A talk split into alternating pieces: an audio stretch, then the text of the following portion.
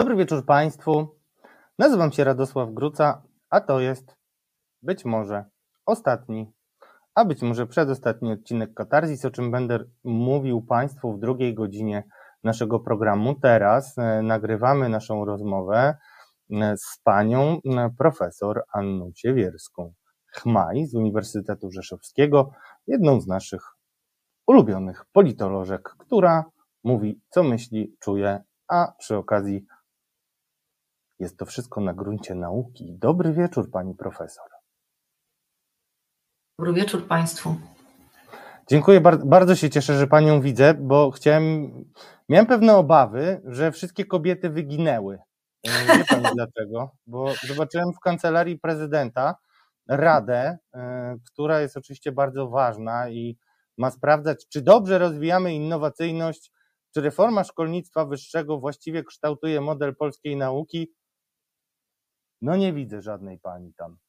Być może to jest taki wstęp do tego, żeby y, wcielić w życie żenujące żarty prezesa i może się okaże, że któryś z panów profesorów nagle w imię Solidarności, tak jak kiedyś profesor Wiktor Osiatyński przystąpił do Partii Kobiet i był jednym z założycielem, postanowią być jednak pana, paniami profesorkami. Ale mówiąc zupełnie poważnie i bez żartów, bo absolutnie żarty transfobiczne są godne pogardy, chciałem spytać, y, jak pani do tego podchodzi, bo jak przedstawiałem panią, pani profesor, mówiłem, że jest pani jedną z naszych ulubionych politolożek, ale prawdę mówiąc, większość politologów, którzy mm, mówią odważnie, e, diagnozując rzeczywistość, okazuje się być kobietami, przynajmniej z mojego doświadczenia.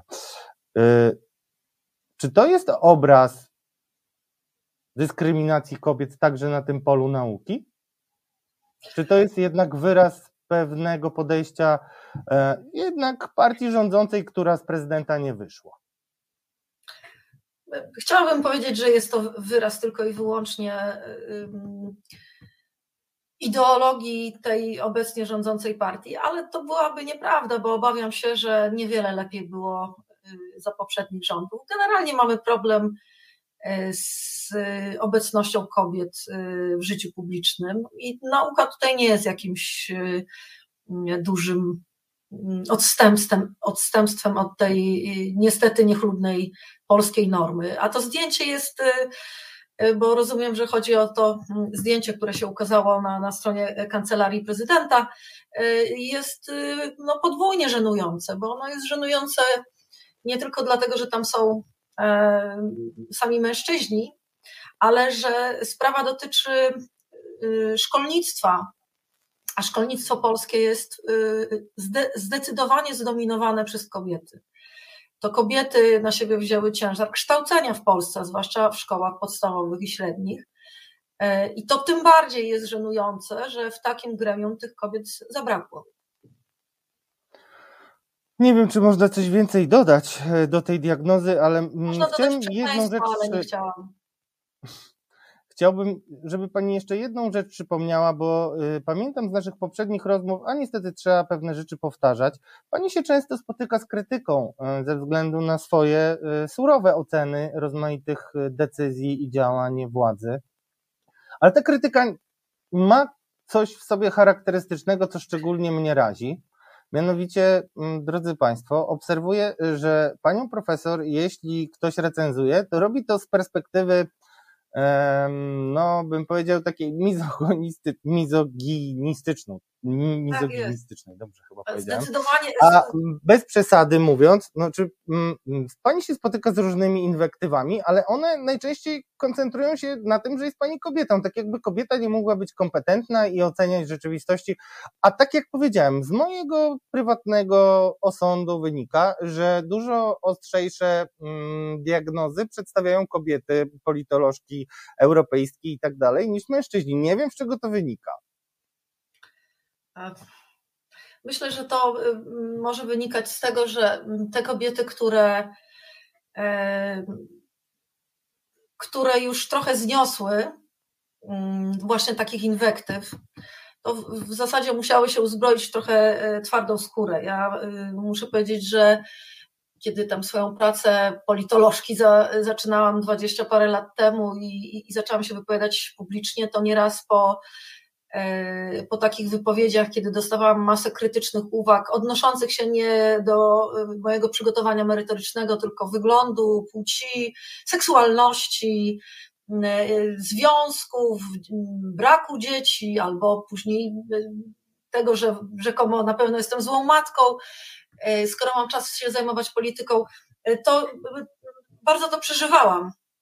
E, I wiem, że wiele moich koleżanek w ten sposób wycofało się po prostu trochę na, na tyły, e, bo nie były w stanie po prostu znieść tych inwektyw.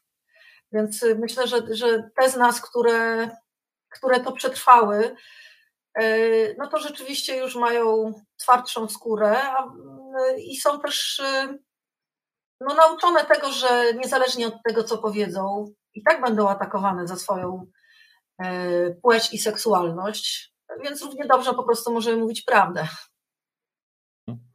Co ciekawe, chciałem jeszcze zwrócić uwagę Państwa i też wyrazić swoją solidarność, a także potępienie dla, mm, dla tego, co widzę. Solidarność chcę y, gwarantować i ofiarować Karolinie Baty-Pogorzelskiej, dziennikarce mm, wprost obecnie, która relacjonuje wojnę na Ukrainie i ostatnio właśnie widziałem takie żenujące komentarze, że powinna wrócić do domu, zajmować się dziećmi, mężem, nie wiadomo czym. Notabene jeszcze druga y, korespondentka, mm, która relacjonuje mm, wojnę na Ukrainie, też jest oczywiście kobietą i to jest y, pani, która pracuje w TVN-ie, pani Blanka. E, w związku z czym, no, panowie nie wiem, co to o nas świadczy, ale na pewno powinniśmy reagować na tego typu wszystkie komentarze, szczególnie jeżeli są e, obraźliwe. I wszystkich Państwa do tego zachęcam. A teraz e, po tym przydługim wstępie, e, Pani Profesor, chciałem spytać, czy coś się ruszyło w naszej polityce? Czy to są takie ruchy tektoniczne, które mogą spowodować jakieś większe perturbacje w sondażach? Bo widać, że psychologiczna granica, e, znaczy psychologiczna przewaga platformy w pierwszych sondażach pojedynczych e, nagle staje się chyba przewagą realną.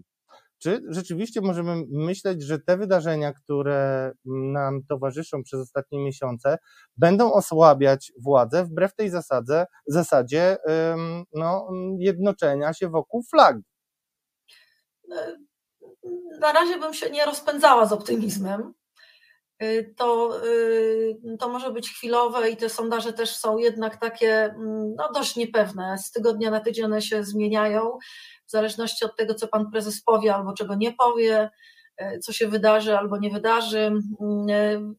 Zbliżamy się też do okresu świątecznego, który też raczej będzie sprzyjał jednak partii rządzącej będzie wypierał trudne tematy, kolendy będą y, nam łagodziły nastroje, no chyba, że ktoś dostaje szału, słysząc po raz setny kolendę w, w y, sklepie spożywczym, no ale powiedzmy, że większość z nas jakoś tam mm, odbiera pozytywnie ten, ten czas świąteczny, i, I to łagodzi nastroje, i to może troszeczkę odsunąć politykę na dalszy plan.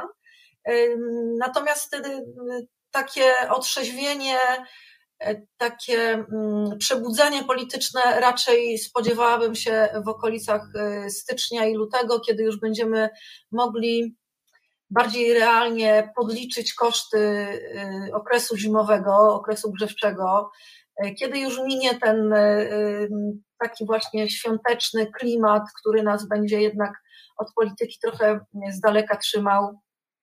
Myślę, że różne postanowienia noworoczne, przemyślenia noworoczne będą sprzyjały temu, żeby trochę zweryfikować swoje poglądy polityczne. I wtedy bym się dopiero spodziewała tak naprawdę jakichś zmian poważniejszych w sondażach, bo teraz myślę, że one będą jednak takie dość wachliwe. A czy w Pani ocenie mm, to jest istotne wydarzenie, które może pociągnąć kolejne podobne. Mówię o odbiciu e, Śląskiego Sejmiku i to też takiego sejmiku nie byle jakiego i nieprzypadkowego, bo tam właśnie pan niejaki e, Kałuża no, wykazał się mm, podatnością na różne mm, pokusy, które no, przedstawiła władza, i potem z tego tytułu też miał realne korzyści. Dzisiaj sytuacja się odwróciła. Ludzie z PiSu odchodzą, mówią, że nie chcą jakby wpisywać się w różne nieprawidłowości. Czy to jest coś, co może się powtarzać?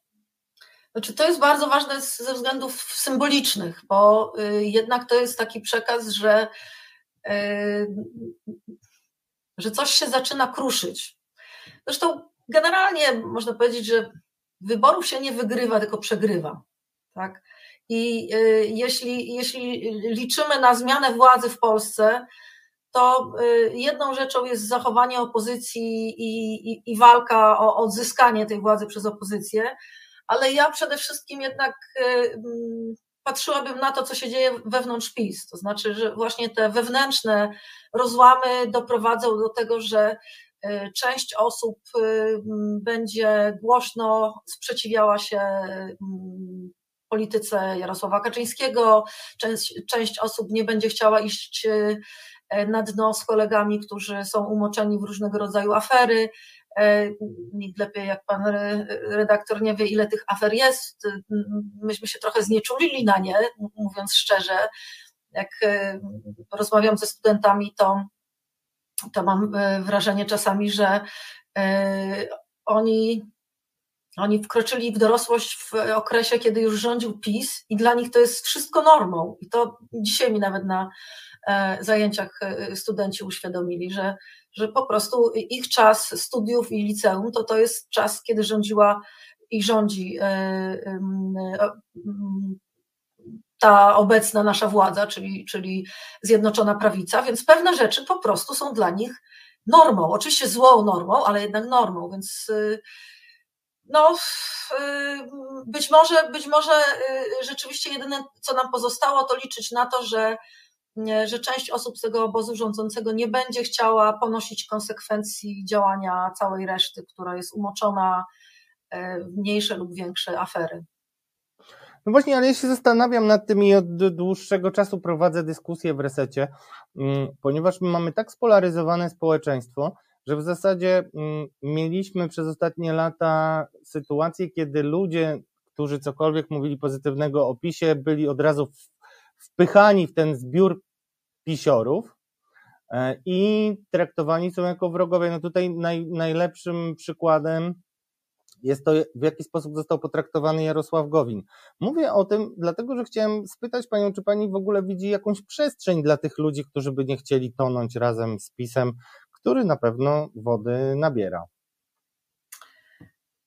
Ja bym e, patrzyła na to jednak e, indywidualnie, a nie systemowo. E, akurat nie wiem, czy przykład Jarosława Gowina jest w, w, tym kontekście dobry, bo ja akurat mam dość krytyczne zdanie na e, temat pana ministra.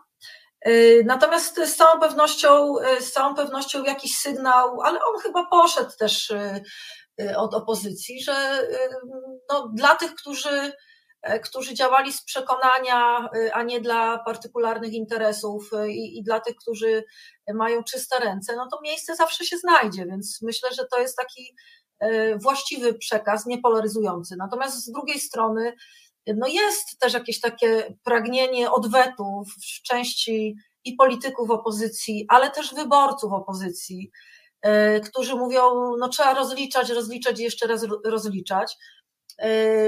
Ja bym tutaj była ostrożna, no bo jednak to, to spycha do, do narożnika takie osoby, które ewentualnie myślą o odejściu z PiSu. Y, I to im nie daje jakiegoś pola manewru.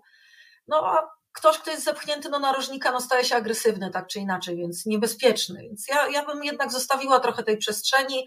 Oczywiście rozumiem, że, że trzeba mówić o, o, o, odpowiedzialności, ale podkreślałabym, że to y, musi być odpowiedzialność tych, którzy stali najwyżej, tych, którzy y, kierowali no, y, tymi strukturami gdzieś tam z, z samej góry. To nie może dotyczyć tylko i wyłącznie e, tych, którzy są na dole, bo mam wrażenie, że też Polacy się przyzwyczaili do takiego mm, schematu i on dotyczy znowu nie tylko Prawa i Sprawiedliwości, ale poprzednich rządów też, że w gruncie rzeczy tym, którzy są na, na górze, to się nic nie stanie.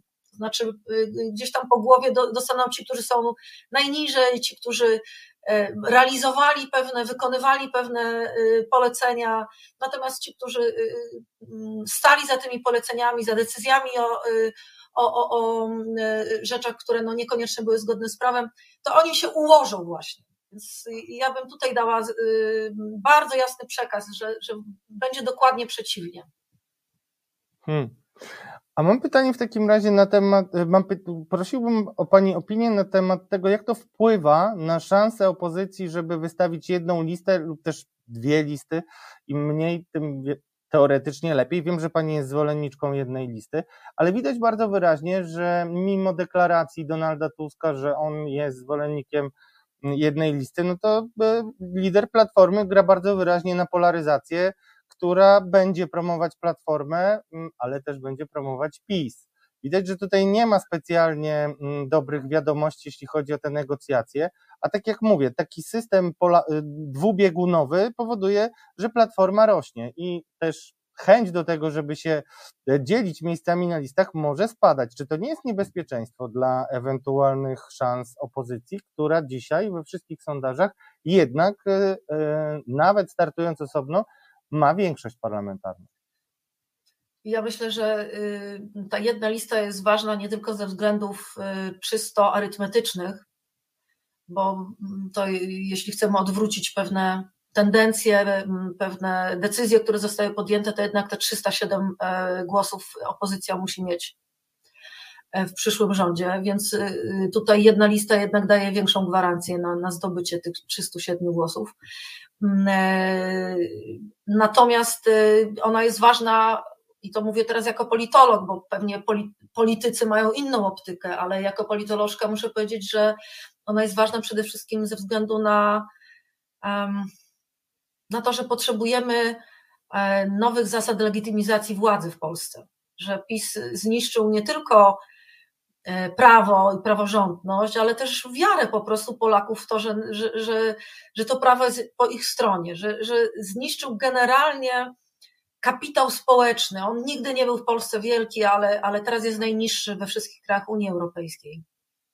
E, I e, mnie ogromnie martwi ilość wyborców e, niezdecydowanych, a jeszcze bardziej tych wyborców obojętnych, którzy tak naprawdę nie widzą różnicy między Zjednoczoną Prawicą a opozycją. I to jest bardzo zła wiadomość dla partii liberalnych i lewicowych.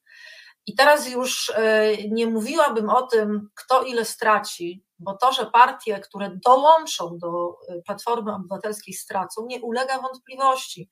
Większy bierze wszystko. No, niestety tutaj oczywiście mogą się dogadać, mogą opracować jakieś algorytmy, nie wiem, mogą przeprowadzić prawybory. No, różne rzeczy można zrobić, żeby zmniejszyć tą presję platformy na te mniejsze ugrupowania polityczne. E, ale e, ja cenię ludzi, którzy mają odpowiedzialność za słowo. I jak e, pan Hołownia czy Kosiniak-Kamysz mówią o, o tym, jak bardzo jest dla nich ważna demokracja, demokracja liberalna, wolność, praworządność, prawa kobiet i tak dalej, i tak dalej, to niestety, ale to jest ten moment, kiedy społeczeństwo może powiedzieć: Sprawdzam. I mając pełną świadomość i znając tą arytmetykę e, wyborczą, e, e, że te partie de facto trochę stracą, idąc na jednej liście z platformą, no to jednak, jeśli mówimy o tej wolności, praworządności i odzyskiwaniu państwa, to to jest ten moment, kiedy musimy powiedzieć: No niestety, ale nasze ambicje są tym momencie drugorzędne. Podstawowa, podstawowa rzecz to jest e, odzyskanie tego kraju i odzyskanie szacunku obywateli e, i właśnie stworzenie jakiejś, jakiegoś nowego systemu legitymizacji władzy. Po prostu Polacy muszą uwierzyć, że jest różnica między opozycją a, e, a prawicą, że jest różnica między Kaczyńskim a Tuskiem, Hołownią czy, czy Kosiniakiem Kamyszem. Hmm jest Pani kobietą wielkiej wiary, mm, jeśli chodzi o odpowiedzialność polityków i mm, umiejętność odsunięcia egoizmów partyjnych na e, drugi plan, ale. Dziękuję, dziękuję że Pan to określił jako wiara, nie naiwność, ale, y, ale ja chcę przypomnieć, że takie sytuacje już w Polsce bywały e, i y, można y, wrócić do tych dobrych tradycji, bo przecież początek trzeciej RP to jest właśnie takie zachowanie opozycji, która poszła razem, chociaż wydaje mi się, że wtedy było nawet tych elementów dzielących poszczególne partie opozycyjne de facto więcej, bo jak się mm, przypatrzymy na program Hołowni czy, czy PSL-u, to y, no, powiedziałabym, że to są różnice w stosunku do y, Platformy Obywatelskiej no, kosmetyczne, o tak delikatnie mówiąc. No jest niewiele tak naprawdę tematów, które mm, tak fundamentalnie dzielą partie opozycyjne. No jednym z nich jest e, kwestia rozdziału państwa od kościoła i, no i przywiązania do no, takich konserwatywnych wartości, do którego bardzo jest e, przywiązany PSL.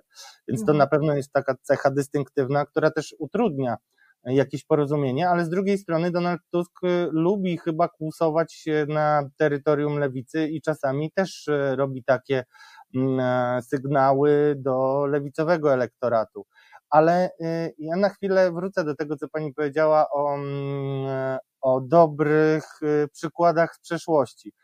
Ja się zastanawiam, czy mm, i też mówiła Pani o programach. Ten program, którego rzekomo Platforma nie ma, jest pałką na platformę, którą używa propaganda prorządowa.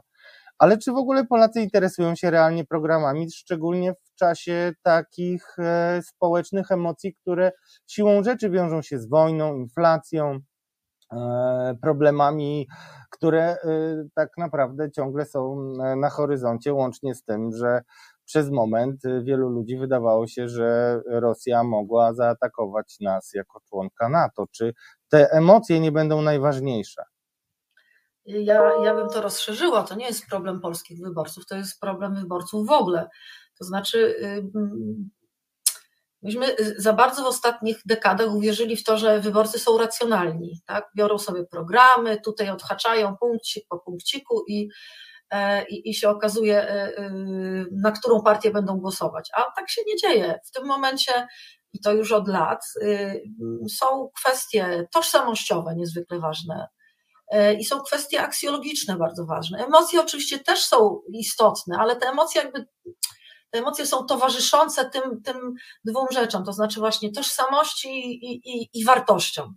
E, I ja bym powiedziała, że dzisiaj ta linia przebiega nie mm, programowo między programami, nie, ta, ta, ta linia nie, nie kreśli jakiegoś podziału na e, e, różne koncepcje, nie wiem, rozwiązywania problemów gospodarczych, militarnych i tak dalej, geopolitycznych bo jak na to popatrzymy, to de facto tutaj nie ma wielkiego pola manewru. No, żyjemy w tak zglobalizowanej, zglobalizowanym świecie, w systemie połączonych ze sobą gospodarek.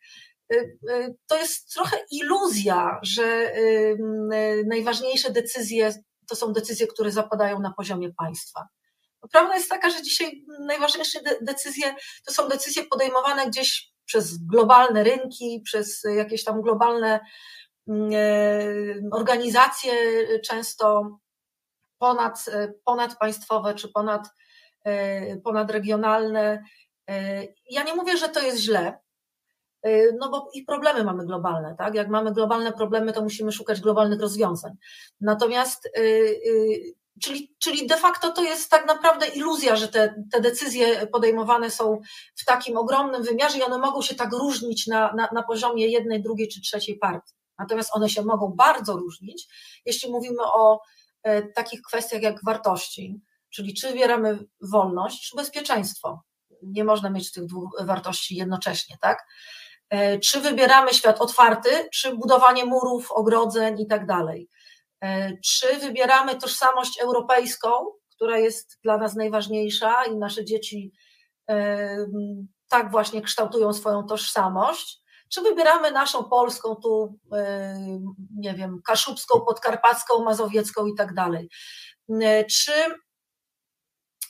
czy wybieramy e, świat, w którym człowiek ma prawo do samookreślenia, chociażby swojej płci kultu, y, kulturowej i, i, i, tak dalej, i tak dalej, czy, y, czy ma prawo, y, czy, czy, czy, czy nie ma właśnie prawa, to znaczy, czy rodzi się i umiera tak, jakby pan Jarosław Kaczyński chciał, to znaczy, no,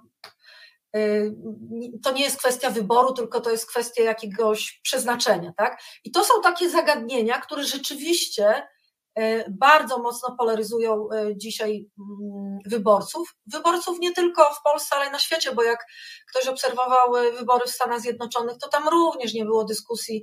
Znaczy, no były oczywiście dyskusje gospodarcze i tak dalej, dotyczące wojny w Ukrainie, ale de facto Y, to, co zdominowało y, y, kampanię wyborczą, co najbardziej spolaryzowało wyborców, to była kwestia aborcji i, jej, zakazów, i jej zakazu i kwestia dostępu do broni.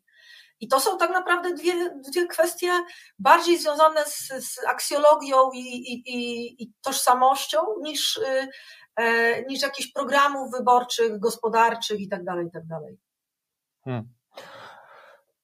Skoro jesteśmy przy Jarosławie Kaczyńskim, e, wiele emocji i komentarzy wywołują jego spotkania e, z, no właśnie, muszę powiedzieć, z wyznawcami i właśnie do tego mm, słowa wyznawcy chciałbym nawiązać.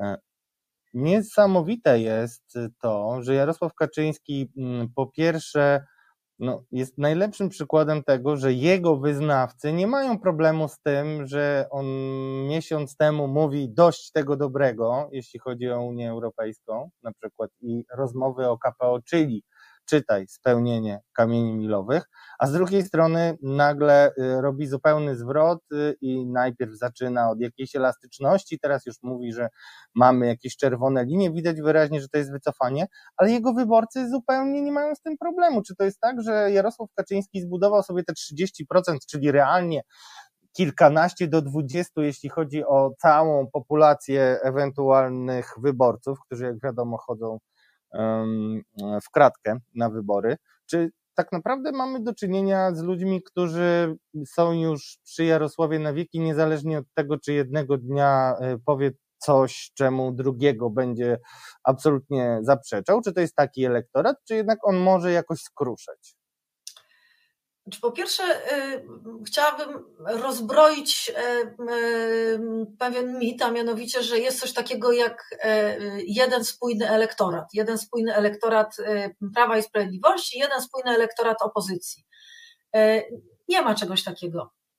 I również wśród wyznawców PiSu, wbrew pozorom też tak nie jest. To znaczy, tam są ludzie bardzo prounijnie nastawieni, i jest też spora grupa wyznawców PiSu, którzy są absolutnie przeciwnikami y, Unii Europejskiej. Uważają, że Bruksela to jest w ogóle e, gorsza niż, niż Moskwa.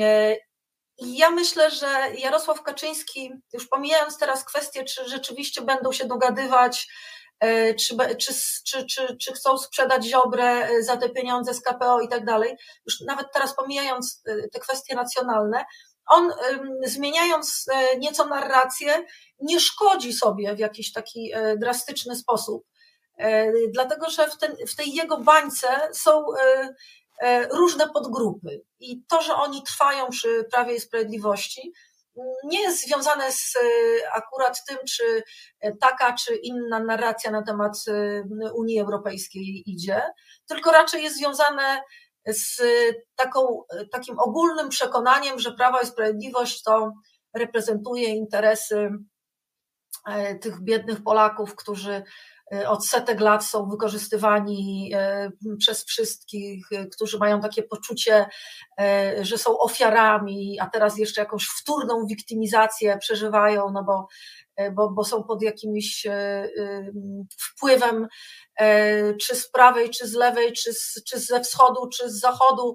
No, generalnie to jest raczej ta, to jest raczej ta narracja, ta narracja wstawania z kolan, ta narracja polskości, ta narracja katolickości, ta narracja rosołu i schabowego w niedzielę, E, dzieci e, idących w białych e, kieckach do komunii i tak dalej. Ta Polska taka sielska, anielska, bociany na gniazdach i tak dalej, i tak dalej. I to, ja bym powiedziała, że to jest raczej, to jest raczej ta narracja, a te wewnętrzne tam spory, czy, czy Unia tak, czy nie, czy bardziej proukraińsko, czy antyukraińsko, no to to są i tacy, i tacy tutaj y, wśród tych wyborców. Tak samo jest zresztą wśród wyborców opozycji. Tam też spotkamy różne podgrupy. Ale generalnie to, co ich łączy, to będzie inna narracja na temat Unii Europejskiej, y, na temat jakiejś dumy z przynależności do, do Europy, na temat odpowiedzialności za swój los, na temat wolności. Czyli no tam też będzie jakaś przewodnia narracja i, jak, i jakieś takie pomniejsze, powiedziałabym, opowieści. Hmm. To bardzo dziękujemy, że Pani to dekonstruuje, bo chyba wielu się przyzwyczaja do tego. Mnie chodziło bardziej o to, że mm, mamy taką grupę ludzi, na którą ewidentnie gra Jarosław Kaczyński. Ja to widzę i słyszę zresztą z kuluarowych rozmów PiSu, że tak naprawdę to jest już po pierwsze pogodzenie się z porażką, co jakby trudno jest zweryfikować, ale na pewno takim planem minimum e, Jarosława Kaczyńskiego jest operacja 190, czyli zgromadzenie sterownego klubu bez żadnych ziobrów, gowinów i tak dalej. E, takiego, który będzie e, bez żadnych niespodzianek mm, wspierał weta prezydenta. Jak może wyglądać? Załóżmy, że taki wariant może mieć miejsce. Prezydent Duda ma jeszcze długi czas kadencji, ona musi się zahaczać z następną kadencją Sejmu. Czy w ogóle jest możliwe mm, rządzenie realnie przy takiej postawie prezydenta, który dotąd dał się poznać jako wierny podpisywacz y, niemal wszystkich pisowskich projektów? No, tak naprawdę nie ma dobrej tutaj y, odpowiedzi, nie ma dobrej konfiguracji. To znaczy, y, oczywiście, jeśli by opozycja w następnych wyborach wzięła wszystko, to znaczy miała konstytucyjną większość, no to, y, to powiedzmy, że byłaby sytuacja prostsza. Natomiast obawiam się, że tutaj ja nie wiem, czy my do końca wiemy w ogóle, o jakiej my ordynacji wyborczej mówimy. Ja nie wiem, może pan redaktor wie, ale ja na przykład nie do końca wiem, co się jeszcze wydarzy. Yy, no, wydaje mi się, że yy, nie mamy pełnej kontroli nad yy, całym systemem wyborczym w tym momencie i nie wiemy do końca, jakie jeszcze tam są ukryte dla nas niespodzianki. Dlatego trochę obawiałabym się jakiejś takiej zdecydowanej odpowiedzi na to pytanie, bo, bo ja nie mam danych. Ja nie mam ten, ten, mhm. ten czynnik X, że tak powiem, on tutaj jest ogromny. Ja, ja po prostu no, przez te lata obserwowania polityki Prawa i Sprawiedliwości e, mam przekonanie, że oni są przygotowani na bardzo wiele różnych opcji i dlatego ja bym no, nie świętowała jeszcze e, zwycięstwa, bo no, mówię, nie, nie, nie mamy wszystkich danych. Mam wrażenie, że Pani zgaduje moje myśli, y, bo rzeczywiście to są czynniki, które będą jeszcze determinujące, a też nie docenia się tego myślenia o różnych scenariuszach, a nawet przeciwdziałania różnym zagrożeniom, które po pierwsze e, PiS wciela w życie, e, a po drugie, no, mało kto to obserwuje myślę, że będzie okazja, żeby o tym jeszcze porozmawiać, jak sobie robią porządki pisowcy we własnych szeregach i jak ewentualne miny rozbrajają. Ale chciałem zapytać e, w związku e, z tym, czy wydaje się Pani, e, że mm, no, PiS będzie próbował dalej iść w polaryzację, czy jednak będzie bardziej starał się uwikłać opozycję właśnie w jedną listę, bo takie jest marzenie PiSu, ja o tym dużo słyszę, bo kiedy będzie jedna lista z jedną twarzą Niemca, Tuska, Zaprzańca, zdrajca, no, y, Zaprzańcy, zdrajcy, dużo można powtarzać po propagandzie, tylko relacjonując oczywiście, Czy taka gra na Donalda Tuska i na jedną listę może się PiSowi opłacać, czy to jednak jest no, daleko idące myślenie życzeniowe, głównie korespondujące z obsesją i fobią Jarosława Kaczyńskiego? Myślę, że Prawo i Sprawiedliwość ma teraz tyle kłopotów we własnych szeregach, że y, nie będzie miało wbrew pozorom akurat przestrzeni i energii do tego, żeby e, zajmować się tym, co się dzieje w szeregach opozycji. E, czy da się bardziej zohydzić osobę Donalda Tuska? Trudno mi sobie wyobrazić. Od czasu do czasu e, oglądam TVP i, i wydaje mi się, że tam już zostało wszystko powiedziane i pokazane. Y, zohydzenie po prostu do y, absolutnie granic możliwości. To, to jest raczej gra o, o jakiś taki niezdecydowany elektorat, ten właśnie, który, który jest jeszcze do, do przejęcia. I tak naprawdę w tym momencie i po stronie opozycji, i po stronie, i po stronie Zjednoczonej Prawicy jest jakiś taki twardy elektorat, i on z obu stron jest y, równie zradykalizowany, powiedziałabym.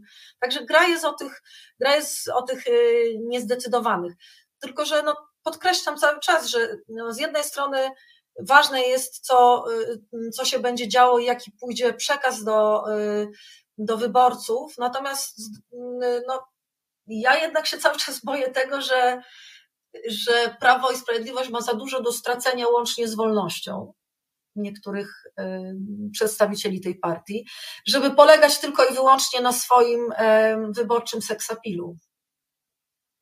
No właśnie, ale to, to wobec tego chciałem zapytać Panią, czy Pani e, widzi jakąś przestrzeń do mm, jednoczenia tak bym powiedział, świadomych obywateli, które mogłoby przynieść jakąś refleksję ze strony PiSu. I tutaj mam dwa konkretne przykłady. Ustawa, którą zaproponował najprawdopodobniej Daniel Obajtek, czyli ustawa, która miała e, wdzięczną nazwę Butapręt Plus, bo odnosiła się do tego, że realnie przyspawaliby się nominaci mm, do fotelów w spółkach i jednak e, ona została wycofana. Było jeszcze kilka e, takich e, ostatnio ustaw, które próbowały być wrzucone, a ostatecznie były wycofywane. Czy wydaje się Pani, że zjednoczenie ludzi, którzy krytyczni są wobec PiS i będą jakoś wyrażać tę krytykę, może powstrzymać PiS przed jakimiś daleko idącymi rewolucyjnymi e, i dla nich oczywiście korzystnymi e, rozwiązaniami. Czy PiS jest e, realnie teflonowy na tą krytykę? Tak, po pierwsze, PiS nieraz wycofywał głośno, wyraźnie i w świetle reflektorów różnego rodzaju ustawy, które były krytykowane a następnie po cichu, po nocy, e, w różnej formie, czasami innej, czasami bardzo podobnej, e, przeforsowywał je. Jak nie tędy, to, to tamtędy. Więc e, to się jeszcze może wydarzyć. Ja bym tutaj jeszcze trzymała rękę na pulsie. Po drugie, czy, czy to będzie powstrzymywało, czy, czy, czy opinia publiczna może powstrzymać Prawo i Sprawiedliwość przed jakimiś takimi bardziej radykalnymi ruchami? Nie wiem, wydaje mi się, że nie, że no, pan redaktor sam to bada, e, więc e, pan e, najlepiej wie o tym, ile osób z Prawa i Sprawiedliwości może mieć procesy karne, ile może trafić za kratki na długie lata, ile może stracić majątki. To jest jednak dość skuteczna metoda, żeby przekonać wszystkich, którym grozi ewentualne właśnie, e, e, e, grożą ewentualne konsekwencje, do tego, żeby no, rękami, nogami, pazurami utrzymali władzę. A PiS tą władzą, trzeba powiedzieć, tymi pieniędzmi mocno się podzielił, jeśli chodzi o, o, o te struktury na dole, bo przecież wiadomo, każda partia zawsze wymieniała, co się dało, ale to raczej wymieniała w strukturach zarządczych. Natomiast no, tam, gdzie już była realna praca i trzeba było, mieć kompetencje merytoryczne, no to jednak zostawiali ludzi, którzy się po prostu na tematach różnych znali. Natomiast Prawo i Sprawiedliwość E, nie miała takich zahamowań i, i, i, e, ta wymiana kadr w różnego rodzaju instytucjach państwowych, samorządowych e, i tak i tak ona poszła bardzo, bardzo głęboko, wobec czego też ilość ludzi, którym utrata władzy przez PiS groziłaby realnym obniżeniem statusu społecznego, no, no jest, jest rzeczywiście porażająca. I to jest taki taki wskaźnik, który mocno mnie niepokoi. Hmm. No jest porażająca, ale moim zdaniem jest jeszcze niewystarczająco wyświetlona i zgodziłbym się z Panią, gdyby Pani powiedziała, że wyświetlenie tych e, rosnących majątków i pokazanie, jak to. E, Bardzo istotne. To na Polaków działa. To na Polaków działa. No rzeczywiście Polak nie lubi bogatych. Polak e, zawsze jest dociekliwy, skąd ktoś ma majątek i dlaczego i tak dalej, a, a zwłaszcza Polacy są y, przeczuleni na punkcie tych, którzy majątek zdobyli szybko i w zasadzie nie wiadomo w jaki sposób. Y, więc y, tak, to jest niezwykle istotne, żeby Polakom uświadamiać pewne, pewne kwestie. I to nie chodzi tylko o Daniela Obajtka i tak dalej, bo powtarzają się ciągle te same nazwiska. Natomiast wydaje mi się, że tutaj taka oddolna akcja y, byłaby potrzebna. To znaczy, w każdej gminie są takie osoby, w każdym województwie są takie osoby, w każdym mieście są takie osoby. E, I y, o ile y, z Obajtka można się śmiać, albo się denerwować, albo być do niego krytycznie nastawionym, ale on jest taki trochę zmitologizowany, przez to, że on jest tam gdzieś daleko, wysoko, e, trochę stał się karykaturą. Pewnie, pewnie jak już nawet zapomnimy o Obajtku, to do języka polskiego wejdzie takie sformułowanie, e, bo, bo język polski jest wrażliwy właśnie na tym punkcie. E, natomiast, natomiast niżej kiedy ludzie widzą, że o ten sąsiad od kiedy się zapisał do PiSu i tam zaczął działać, to nagle, e, to nagle nie wiadomo skąd, bez żadnego, żadnych kompetencji, żadnego wykształcenia, nagle mu się zaczęło dobrze powodzić, e, no to to wtedy działa e, na wyobraźnię dużo bardziej. Wydaje mi się, i mówię o tym od lat, że najdroższym towarem na świecie jest nadzieja. Zawsze staram się też pozytywnie kończyć mm, nasze rozmowy w resecie. Dlatego zapytam o to, w jakiej Polsce chciałaby Pani żyć po wyborach i jakie jest Pani marzenie oraz nadzieja na to, co może się zmienić. Załóżmy, że marzenia się spełniają. Mówię o tym dlatego, że nawiązuję do tego, co pani usłyszała też od studentów. Bardzo wielu ludzi przyzwyczaiło się do patologii i żyje w niej, jakby to było coś normalnego, jakby to było coś, z czym trzeba się pogodzić, a wcale tak być nie musi. Jak miałaby komunikować się i zachowywać władza, żeby poczuła pani oddech świeżego powietrza w Polsce po wyborach?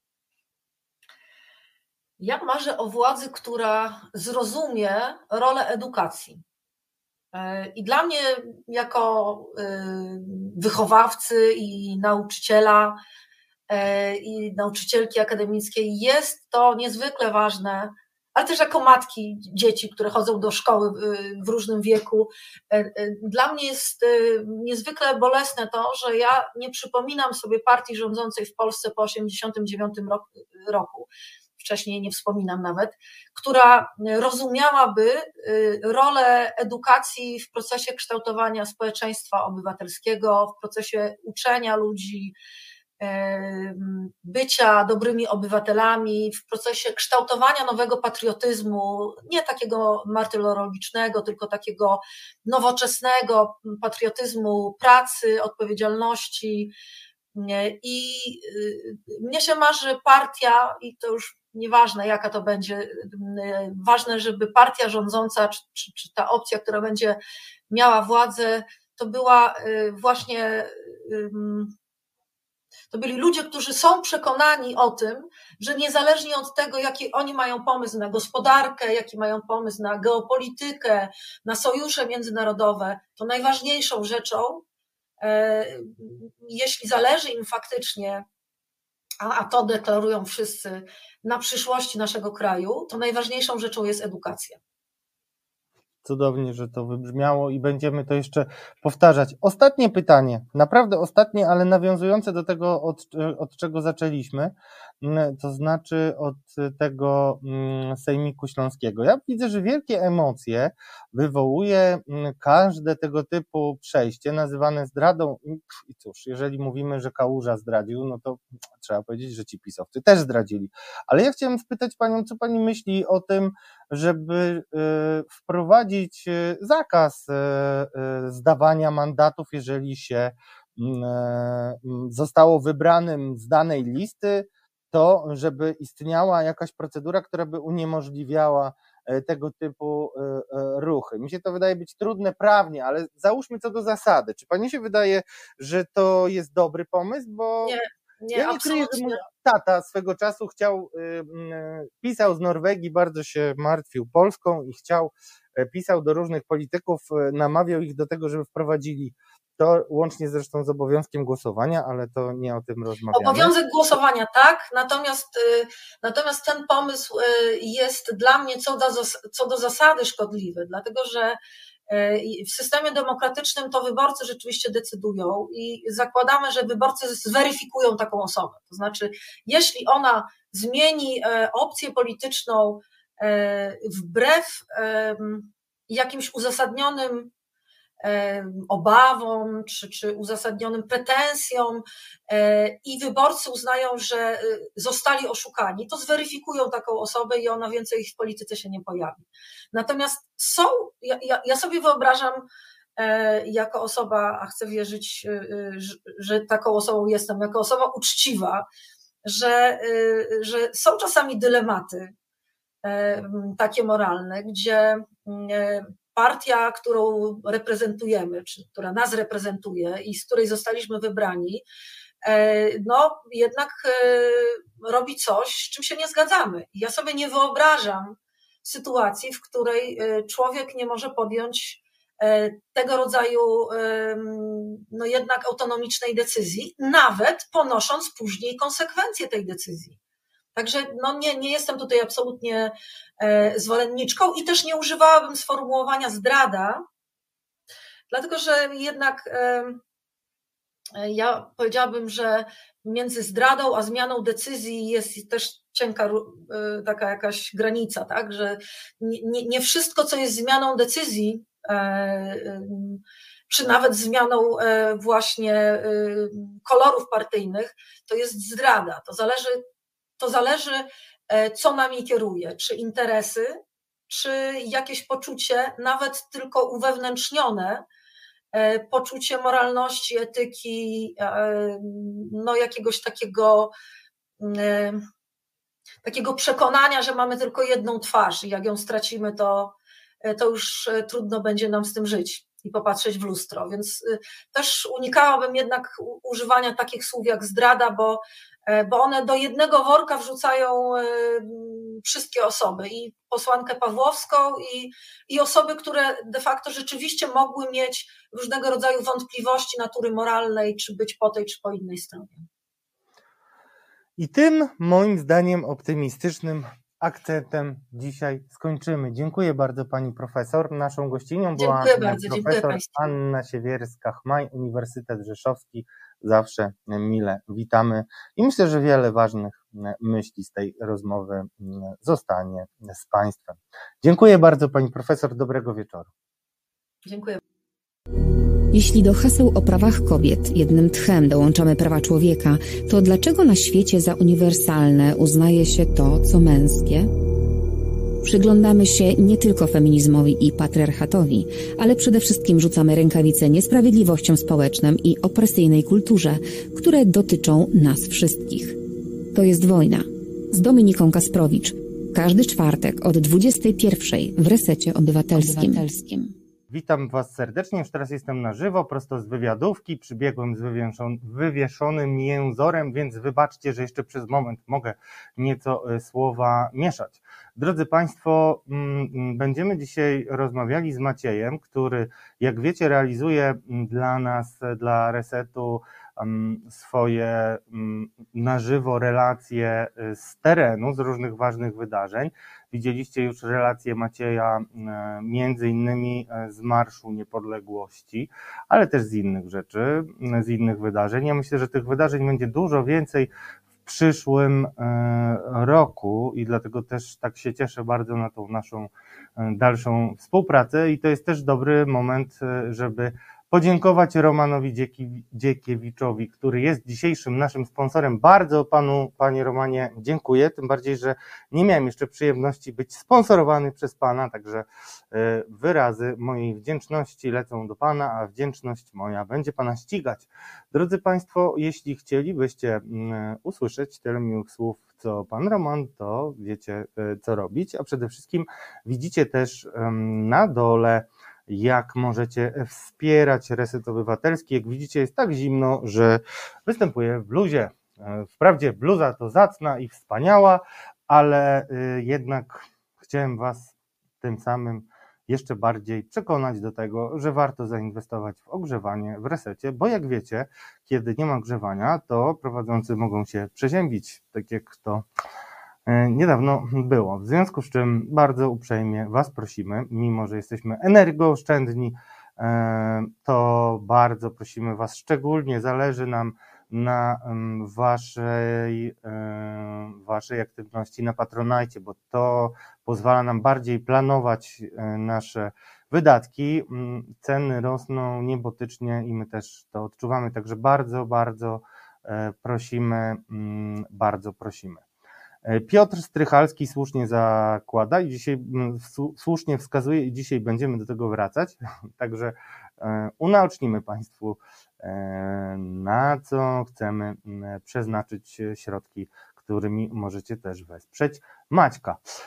I teraz moja wspaniała realizatorka Iza, mam nadzieję jest gotowa i pokaże nam zdjęcia Macieja, który już tam jest, ja do niego serdecznie macham, zaraz przyjdzie do nas, ale mm, drodzy Państwo, tematem dzisiejszego programu, mm, kolejnej godziny, będzie to, co Maciek relacjonuje już pewnego czasu, czyli procesy, w których na ławie skarżonych e, do tej pory częściej mm, siedziała Elżbieta Podleśna, osoba bardzo droga memu sercu. E, to jest kobieta, którą mogliście między innymi e, poznać, e, kiedy wybuchło wielkie zamieszanie wokół pięknej grafiki tęczowej Maryjki, czyli tak to się chyba mówiło potocznie, ale generalnie była to Matka Boska Częstochowska z aureolą tęczową. To piękny obraz. Bardzo chciałbym, żeby Elżbieta Wam sama powiedziała o tym, dlaczego rozwieszała te grafiki. Mam nadzieję, że kiedyś uda mi się e, stworzyć jej dobre warunki do tego, żeby przyszła i spokojnie z nami porozmawiała.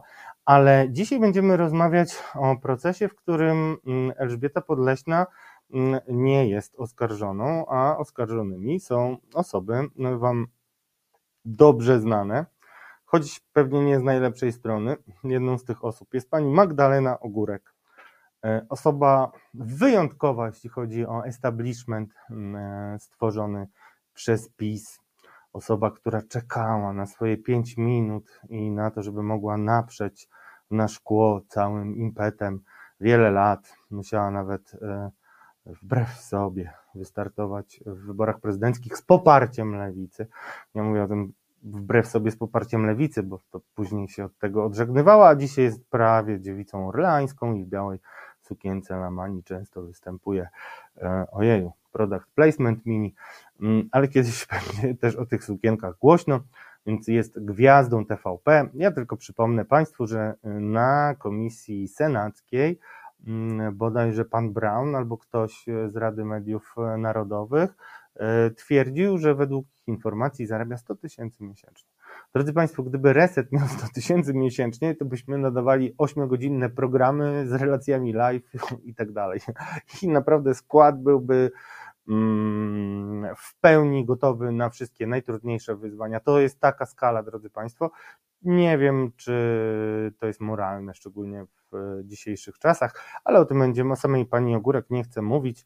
E, może kiedyś poświęcimy jej mm, większy, mm, większy program, a może nawet większe dzieło.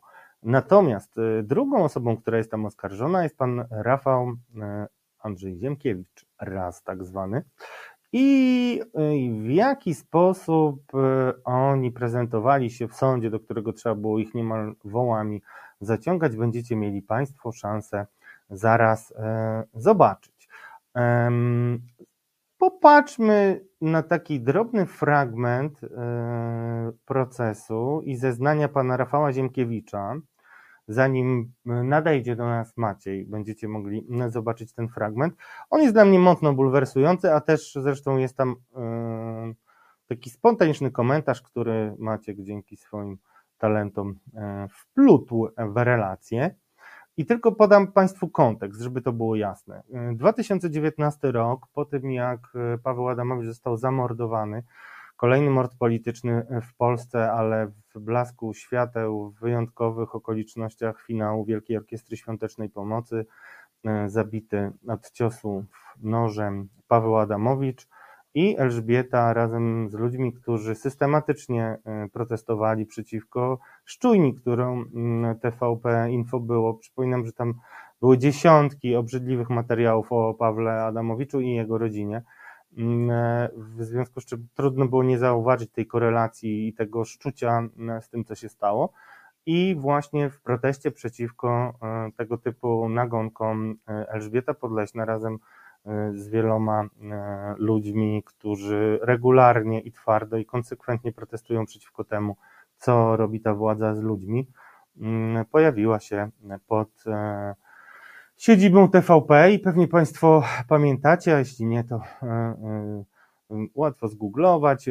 Pani Magdalena Ogórek wychodziła wtedy z telewizji, wysyła, wysyłała uśmieszki, całuski i tak dalej, a później, mm, kiedy tłum zagrodził jej mm, możliwość e, wyjazdu przez moment, wprawdzie, i nakleił jakąś jedną naklejkę na, mm, na samochód, to rozpętało się piekło, że tutaj jest napaść na dziennikarkę, nawet takie osoby jak Adam Bodnar e, na początku wprowadzone w błąd protestowały, krytykowały protestujących, co było dużym ciosem dla nich, ale mm, no, w świetle tego, mm, co mm, udało się ustalić w innych procesach sądowych przeciwko e, pani e, Elżbiecie Podleśnej i jeszcze jej e, koleżankom, no, te wszystkie zarzuty koniec końców upadły, ale za nasze pieniądze toczyły się idiotyczne procesy tylko po to, żeby zadowolić Magdalenę Ogórek i to jest moja ocena i też zresztą byłem tego świadkiem naocznym Dziwne to były, szczerze mówiąc, sprawy mimo wszystko, ale najdziwniejsze są, najbardziej rażące są stanowiska, jakie prezentowali przed sądem nasi, nasi, może nie, może nie nasi, gwiazdorzy telewizji polskiej. E, Iza, jesteśmy gotowi z razem? To pokażmy, niech powie sam za siebie, a już za chwilę dołączy do nas Maciej i opowie o klimacie mojej subiektywnej ocenie no mamy do czynienia tutaj z panią, która z prowokowania uczyniła sposób, sobie sposób na życie i sposób na mm, wydobycie się z anonimowości. Tu przebitki, które były użyte, pokazują w jak wielu mediach występowała. Przypomniałem, już zapomniałem, że się o tej sprawie, że to pani Podleśna była sprawcy takiej chuspy, jak właśnie pokazywanie się w gorsesie ortopedycznym przez jeden dzień i sugerowanie na różnym mediom, że to jest skutek poturbowania na Marszu Niepodległości.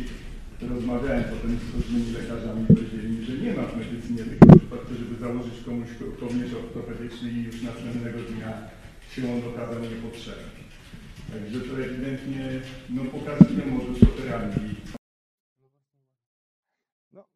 Mam nadzieję, że usłyszeliście e, Rafała. Ziemkiewicza, a y, widzicie już tutaj koło mnie Maciej Piasecki. Ten, który niektórzy mówili, że odszedł z resetu. Jakoś tutaj jest, ale dzisiaj zaczniemy od kącika modowego. jako gość. Tak, dzisiaj jako gość, ale też jako współgospodarz. Y, Bardzo jest mi miło.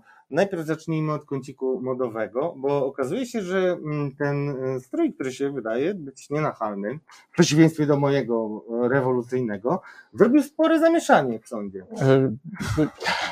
Ja nie chciałbym, żeby to przyćmiło tutaj jednak sprawę procesu. Nie, nie przyćmiewa, ale to jest istotne, tym bardziej zaraz o tym powiem, dlaczego to jest istotne też, że rozmawiamy z Tobą, Maćku, no bo jednak tam nie było już dużo mediów i to też jest trochę przykre, że jednak przyzwyczajamy się do tego, że żyjemy e, w gotującej się e, wodzie jako żaby i tak jak na początku było tych reporterów więcej, to teraz tak naprawdę zostałeś jako jeden z ostatnich na placu boju. Zastanawiam się, z czego to wynika. Sama Elżbieta Podleśna z takim przekąsem komentuje to, że mało kto już się e, interesuje z mediów e, tymi przekazami, e, tymi wydarzeniami, które się dzieją na salach sądowych, które moim zdaniem są ekstremalnie ważne, bo może no, nie brzmi jakoś ekscytująco kolejny proces Elżbiety Podleśnej. Z drugiej strony, kiedy, kiedy Elżbieta Podleśna miała wraz z innymi aktywistkami proces w sprawie właśnie tak zwanych tęczowych maryjek, o których wspomniałeś, no to tam też praktycznie mediów nie było. Był, był reporter TVN-u rzeczywiście, była lokalna, lokalne przedstawicielstwo TVP, ale to nie wyglądało na taki proces roku powiedzmy. Może to kwestia tego, że nikt nie wiedział, że stawi się rzeczywiście wtedy oskarżycielka posiłkowa Kaja Godek, ale no, no to też nie, okazało było, się, że to nie było w Warszawie, to jeszcze powiedzmy. Ten proces był bodajże w Płocku, prawda? Jeśli dziennikarze Nie, no parę to jest dziesiąt kilometrów nie są w stanie przejechać, to źle świadczy już o, o stanie dziennikarstwa, ale na tym się bym nie chciał skupiać, bo to, to można utyskiwać e, bardzo dużo.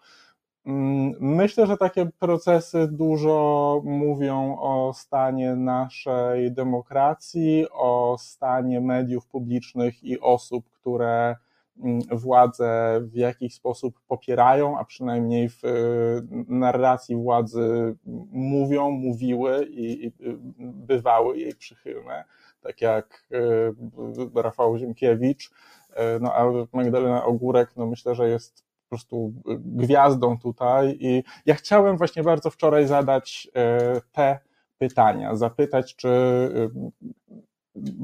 Rafał Ziemkiewicz i Magdalena Ogórek są dumni z czasu pracy w TVP, byłego i obecnego, bo Rafał Ziemkiewicz od dwóch lat tam nie pracuje. Czy to był po prostu taki sposób, żeby zapłacić rachunki, żadna praca nie hańbi, pieniądze nie śmierdzą, różne powiedzenia na ten temat są i absolutnie bym to zrozumiał. Chciałem zapytać o to, czy w tym programie, o którym, o który toczy się proces, te osoby występowały czując się bardziej dziennikarzami, czy bardziej satyrykami, komediantami, bo tam jedną częścią linii, z części obrony jest to, że no to był program satyryczny, program w telewizji, gdzie nie wiem na ile wcześniej wyjaśniłeś widzą słuchaczom, słuchaczkom, Nie, właśnie co się sa, wydarzyło. satyryczności to, to ja, znaczy chcę, żebyś też to powiedział, bo byłeś, y, chcę Państwu też zareklamować. Dochodzimy proszę. zaraz powoli do tematu mody. E, tak, no, dojdziemy do tematu mody, bo temat mody wiąże się z dziennikarstwem i z tym, jak można arbitralnie e, próbować e, mówić o tym, kto ma prawo być dziennikarzem, a kto nie. I to, to jest w ogóle szerszy temat. Ale Maćku, e, zacznijmy od tego. Ja mówiłem o tym, co było praprzyczyną tej całej sprawy, no i wiadomo, e, że zaczęło się wszystko od blokowania samochodu Magdy Ogórek, potem e, było to e, e, no, przedmiotem spra- sprawy sądowej, śledztwa prokuratury, zostali uniewinnieni i też zresztą protesty są solą demokracji, takie były wtedy uzasadnienia sądu. Myślę, że, myślę, że cały czas s- są i jest to zapisane w polskiej konstytucji, której jeszcze się nikt nie odważył zmienić. To, Ale parę razy już ją pogwałcono y, spektakularnie. Ale mówiąc, y, skupmy się na, na tym, co jeszcze usłyszymy zaraz, bo to jest dość niesamowite i to też pokazuje, w jaki sposób podchodzą ci ludzie do no do tego, w jaki sposób się wypowiadają, do czego mają prawo i jak rozumieją swoją, aż ciężko mi przez gardło to wychodzi, ale misję. Zobaczmy jeszcze Magdalenę Ogórek, która rozbiła bank. Za chwilę. wokół jednego człowieka, to, to jednak jest to już takie zgromadzenie liczne. E, Tam się zmieniała ta ekipa, bo, raz, raz tych osób było kilka, raz kilkanaście. Wtedy jak był ten atak e, na mnie, ja miałam wrażenie, że tam było powyżej 20 osób, mogę się mylić, ale, ale W jakim okresie czasu ludzie zbierali? Wysoki Sądzie datowo nie podam, ale mniej więcej cała ta sytuacja ma miejsce już 3-4 lata, bo ona jest cyklicznie pod gmachem telewizji, niemniej po tym ataku na mnie, który też transmituje. W tym czasie, kiedy to przechodząc yy, nastąpił po ataku na Pani, tak jak Pani powiedziała, ile osób gromadziło się? Ja szanuję, że to było około, około 10 osób. Raz mniej, raz więcej. W jakim wieku to było osób? Tak jak Pani pamięta. Też różne Wysoki Sądzie, bo były osoby młodsze, były osoby starsze.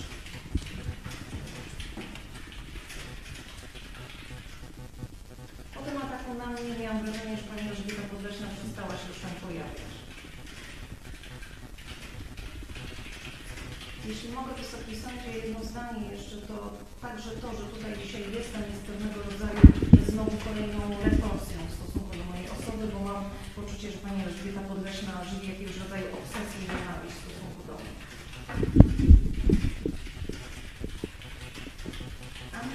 Przez lata Pani oparła to swoje wrażenia, bo zbudowała to wrażenie o tym, że e, Elżbieta Podleśna może używać wiedzy psychologicznej, jest okazji lekarskiej do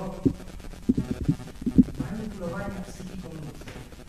W Wysokim Sądzie to było, Co to w tych ludziach było świadczyło? że ci ludzie ze mnie słuchali, szczególnie było to, można to było zaobserwować w dniu ataku na mnie.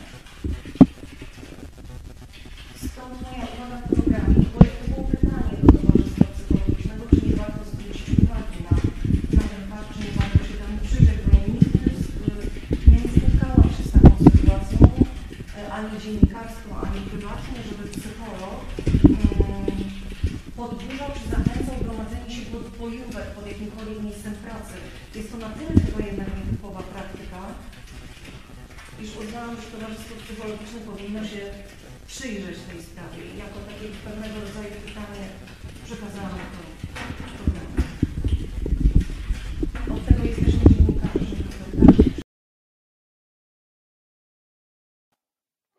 Dziękujemy Romanowi Dziekiewiczowi, nie dziękujemy Magdzie Górak, chociaż w sumie dziękujemy jej za to, że pokazała swoją prawdziwą twarz. Jeśli nie usłyszeliście dokładnie, co mówiła Magda, Magdalena Ogórek.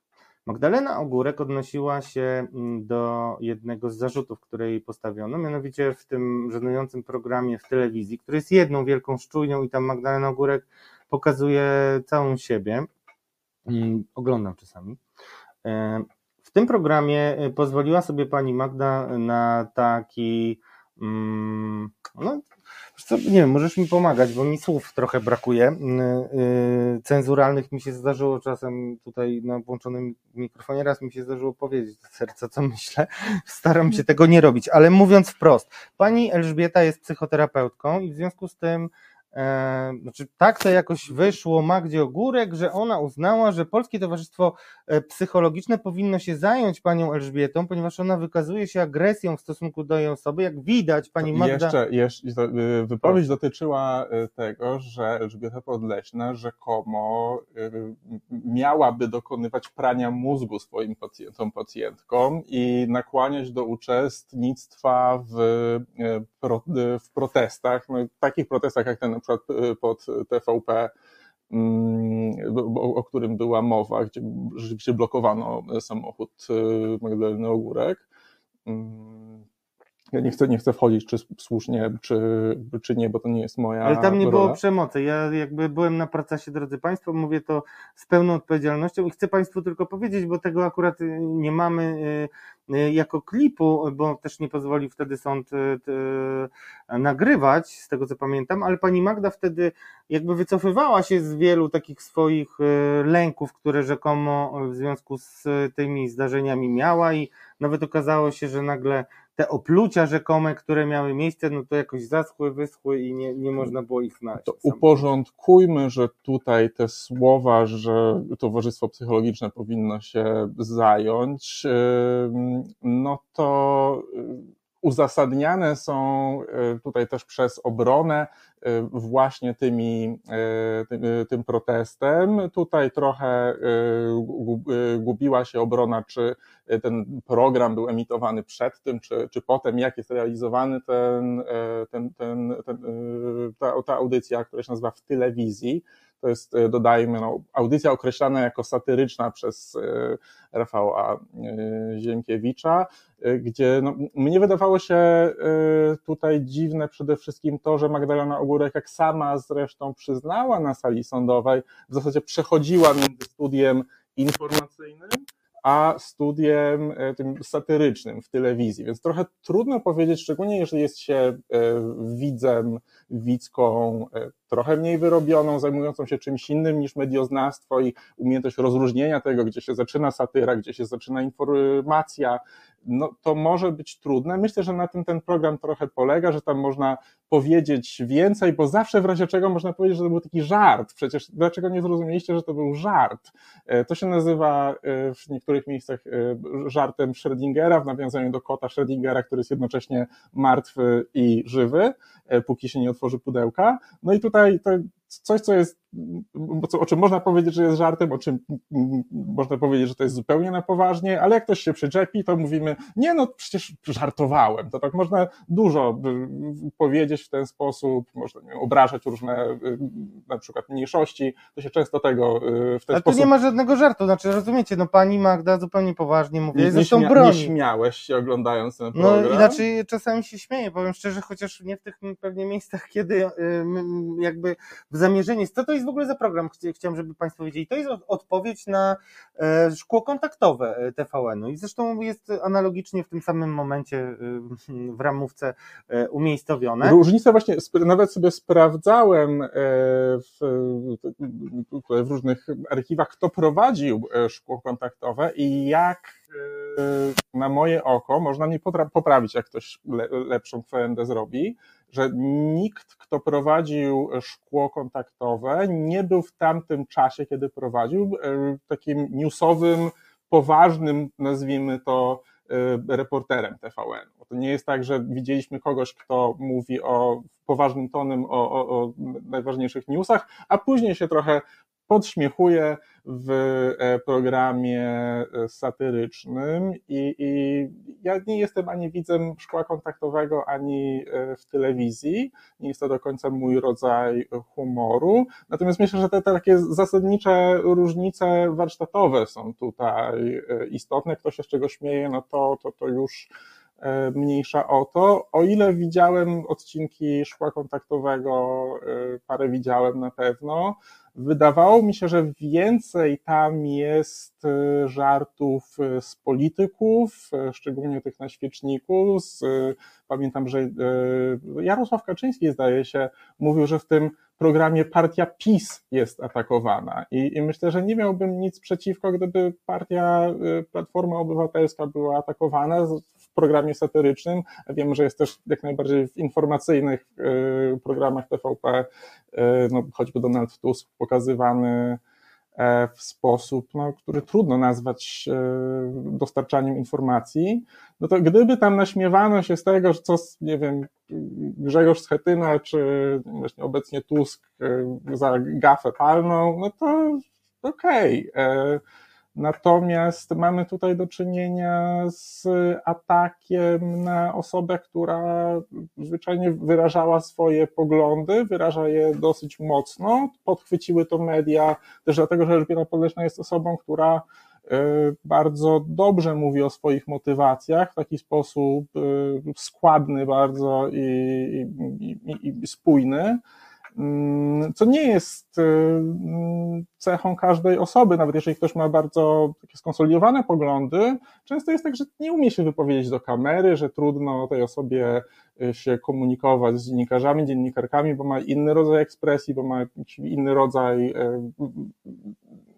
swego rodzaju inteligencji, że to, to, to często w ruchach społecznych działają osoby, które na przykład świetnie umieją się opiekować innymi, a niekoniecznie świetnie mówią do kamery, bo to nawet ktoś, kto, kto dobrze się wypowiada, niekoniecznie przed kamerą dobrze, dobrze wypadnie, niektórych to blokuje.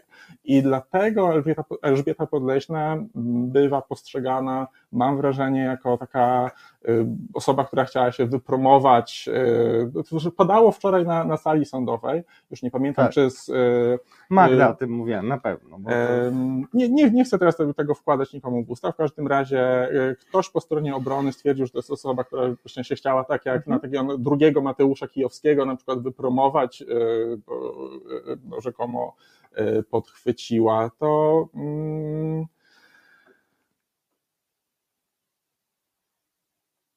No tak, mowę odbiera. Do, do, Ale... Mowę odbiera, mogę, mogę tylko tutaj nawiązać też do, do słów Elżbiety Podleśnej, że ten, kto tak ocenia, często trochę sądzi po sobie, no, że, że, że, że, że pewna idea służy do wypromowania się, ale wiemy, że no, te idee y, na przykład prezentowane przez Rafała Zienkiewicza, no dobrze się sprzedają. Na Twitterze jest mnóstwo obserwujących, na YouTubie jest mnóstwo obserwujących. To jest taki rodzaj biesiadnego wuja, który mówi, prawda, chłopski rozumem jak jest, a przy okazji jest... Co jest, coś tam jest, o Żydach powie jakoś mocno, jest, tak, jest sporo, sporo wie, bardzo dużo czytał, jest polonistą, wypowiada się w taki sposób atrakcyjny e, no i to sprawia, no, że tak jak wczoraj, e, no właśnie co ciekawe, e, Rafał Ziemkiewicz pytany przez sąd o majątek powiedział, że w związku z tym, że na sali są osoby podające się za dziennikarzy, to że jego majątek jest znaczny, ale e, właśnie w związku z tym go nie ujawni. Ja bym tego absolutnie nie zapamiętał. Magdalena Ogórek akurat powiedziała o swoim, o swoim majątku, nie pamiętam, szczerze mówiąc, mało mnie to interesuje, czy ktoś ma dwa mieszkania, czy cztery. E, jeśli się legalnie dorobił, a zakładam, że Rafał Sienkiewicz się legalnie dorobił, bo ktoś te książki kupuje, e, no to e, nic, nic mi do tego, nie będę tego, tego wyciągał. Mm, skończyliśmy? Skończyliśmy właśnie na tym, tak, skończyliśmy na modzie. Drodzy Państwo, weź, weź Maćku tak troszkę wstań, proszę Cię, zróbmy taki ten. Nie widać, Zobaczcie, no, czarny o, widzicie, jest czarny jest po prostu czarny. A teraz usiądź i teraz weźmy y, krótką piosenkę, drodzy Państwo, i zastanówcie się, powiedzcie mi, napiszcie najlepiej, jak powinien się ubierać dziennikarz, żeby być dziennikarzem. Wierzę w Waszą kreatywność, bo okazuje się, że Bo, można, niektórych... Kto jest dziennikarzem, można znaleźć w polskim prawie, w ustawie prawo prasowe. Prawda nas zaboli.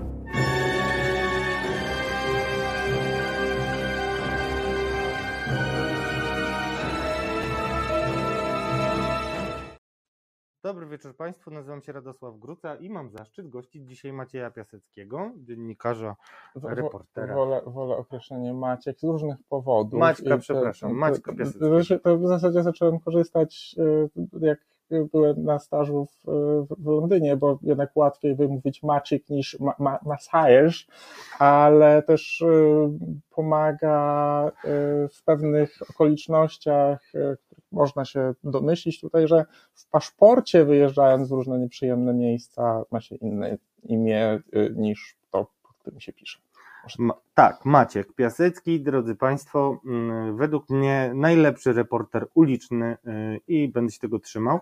Drodzy Państwo, mnie bulwersowało wiele rzeczy w tym procesie. Chcesz koniecznie coś powiedzieć jeszcze o swoim ubiorze? Dajmy przemówić jeszcze tym aktorom i już potem się zajmiemy wspólnym komentowaniem e, z Państwem, bo e, było tam tyle scen, że tak naprawdę powinniśmy powycinać e, więcej materiału z tego i myślę, że myślę, że w pewnym momencie to się stanie, aczkolwiek też jakby możliwości relacjonowania procesów wcale nie są proste mimo wszystko w sądach. Nie ma tam specjalnie e, wielu e, miejsc, w których można wygodnie mm, i z korzyścią dla Państwa relacjonować, także proszę To- też wziąć to pod uwagę. A Przede wszystkim chodzi o ustawienie mikrofonu. Nie zawsze można je podstawić y, osobom tak, żeby nie było słychać. Tutaj ktoś w komentarzach słusznie zauważył, że pani Ogórek się ustawiała tyłem do mikrofonu. Y, Mam wrażenie, że to było y, wykalkulowane, że pani, pani Ogórek jednak pracując w telewizji wie, jak się ustawić y, tak, żeby ją było widać czy słychać. No, poza tym tutaj obrona nie była przychylna mm, temu, żeby ten proces relacjonować, ale to może Tak, to za chwilę. chwilę. To po, zobaczmy jeszcze jeden fragment, który dla Państwa e, wybrałem. Wiele miałem e, pokus, ale ten myślę, że też do Państwa przemówi.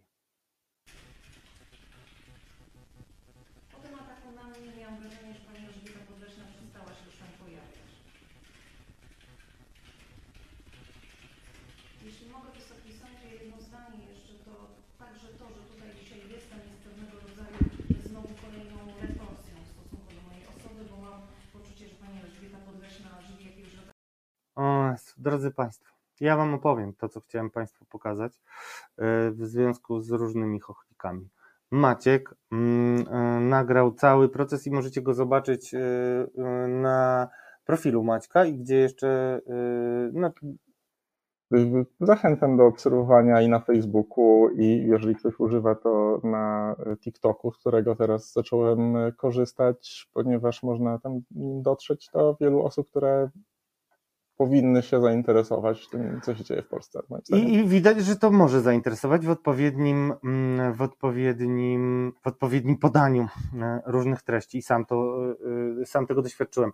E, mm, Film, który e, mm, chciałem Państwu pokazać i przygotuję go osobno z pomocą Maćka, e, był fragmentem Rafała Ziemkiewicza, który opowiadał tam między innymi o swoich rozmowach z lekarzami, bo zupełnie y, to, co ja często powtarzam, i wydaje mi się, że nie jestem w stanie tego Państwu przekazać y, tak, żeby to mm, mm, mogło mm, do Państwa trafić, bo jest to delikatna materia. Ludzie, którzy stają przed sądami y, z różnych bardzo dziwnych y, powodów, bo e, na przykład te zarzuty o napaść rzekomą na Magdę Ogórek były zupełnie absurdalne. E, Takich procesów Elżbieta Podleśna ma bardzo wiele. To nie jest tak, że ten proces gdzieś tam się toczy i przychodzisz sobie na wyrok i wszystko za, za ciebie robią e, adwokaci. Każdy ten proces to są godziny siedzenia i to z takim piętnem osoby, która siedzi na ławie oskarżonych, najczęściej nie mając absolutnie nic na sumieniu albo kierując się tylko mm, dobrymi intencjami i protestując, e, zawiniła czy też e, s- e, ściągnęła na siebie tego typu historie. I pani Elżbieta jest dla mnie przykładem e, wspaniałej postawy, ale z drugiej strony ja niestety widzę to i bardzo panią Elżbietę teraz pozdrawiam i myślę, że jej nie wypada pewnych rzeczy nawet mówić, ale ja czytam wszystkie wpisy pani Eli i ja wiem, ile to kosztuje, drodzy Państwo. I to realnie kosztuje. Nie chodzi o pieniądze, chodzi o zdrowie, chodzi o kondycję. I, tutaj też była taka sytuacja, ja pamiętam, że opowiadała o niej pani Podleśna na jednym z procesów, na którym byłem, gdzie mm, ona została e, poturbowana przez e, policjantów, e, w związku z czym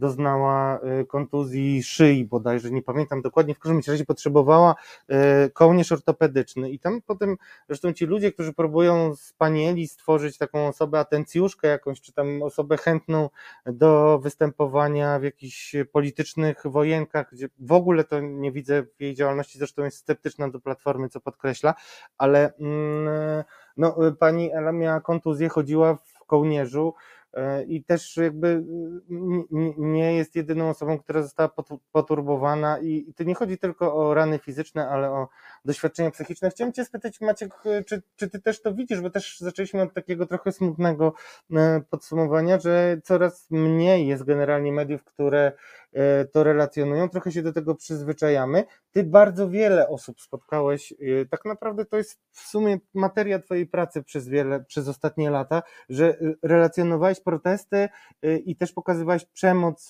policji, ale te osoby, no po pierwsze, jak widać też w komentarzach, ty doskonale jesteś znany tym osobom, które protestują i też z wieloma historiami się spotkałeś. Jak ty uważasz, E, czy w ogóle Polacy, my jako opinia publiczna mamy pojęcie, po co te osoby protestują i ile to kosztuje? Myślisz, ty to widzisz e, jak, jakby e, jesteś okiem ja jestem tak naprawdę osobą, która ma jakieś umiejętności, które sprawiają, że mogę tam pójść, porozmawiać, może trochę mniej się obawiam, że dostanę gazem po oczach, ale to nie, nie, nie, nie, nie daje sobie, nie, nie daje sobie prawa do oceniania, co Polacy. Może też to trochę mnie nie, odróżnia od Rafała Zienkiewicza, który... Nie, nie, mi nie chodzi o to, co Polacy. Mi chodzi właśnie, źle się może wyraziłem. Chodzi mi o to, ty widzisz tych ludzi.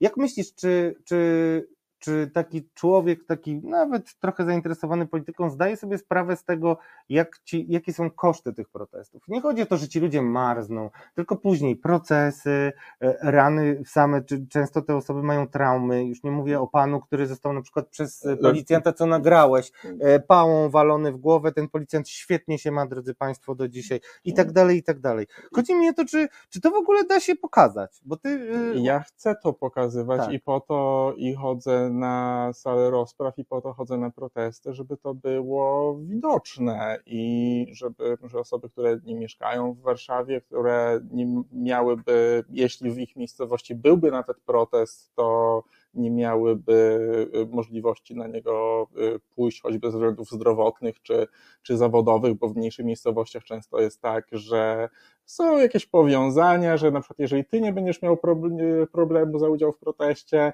no to powiedzmy dziecko twojej kuzynki chodzi do szkoły, gdzie y, poglądy polityczne dyrektora czy dyrektorki są takie. I to, to bardzo czułem obserwując strajki kobiet w mniejszych miejscowościach, które bardzo mnie interesowały. Kiedy tylko mogłem, to, to, to, to jechałem y, do jak najmniejszych miejsc, gdzie się coś, coś działo, bo jednak ta dynamika jest inna kiedy się jest poza Warszawą i chciałbym to pokazywać. I z jakiegoś powodu ludzie chcą oglądać sale sądowe i te obywatelskie protesty, procesy po protestach właśnie, mm, co mnie nawet trochę zdziwiło. Myślałem, że to jest nudne strasznie, a, a jednak y, to może być udziałem każdego, każdej z nas, nawet jeżeli to nie będzie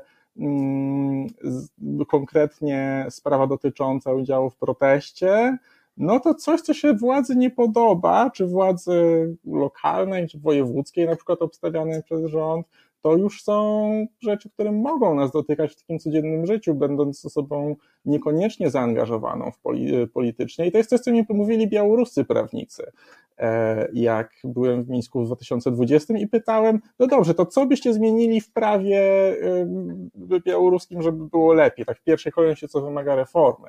I oni mówili, nie, nie, prawo jest dobre, ale sędziowie są tak zależni od władzy, że wiadomo, że jeżeli władza chce, żeby wyrok jakiś zapadł, albo nawet jeżeli to nie jest nie wiem, proces karny, tylko to jest proces o miedzę, tę, słynną, no to y, kto ma lepsze chody w,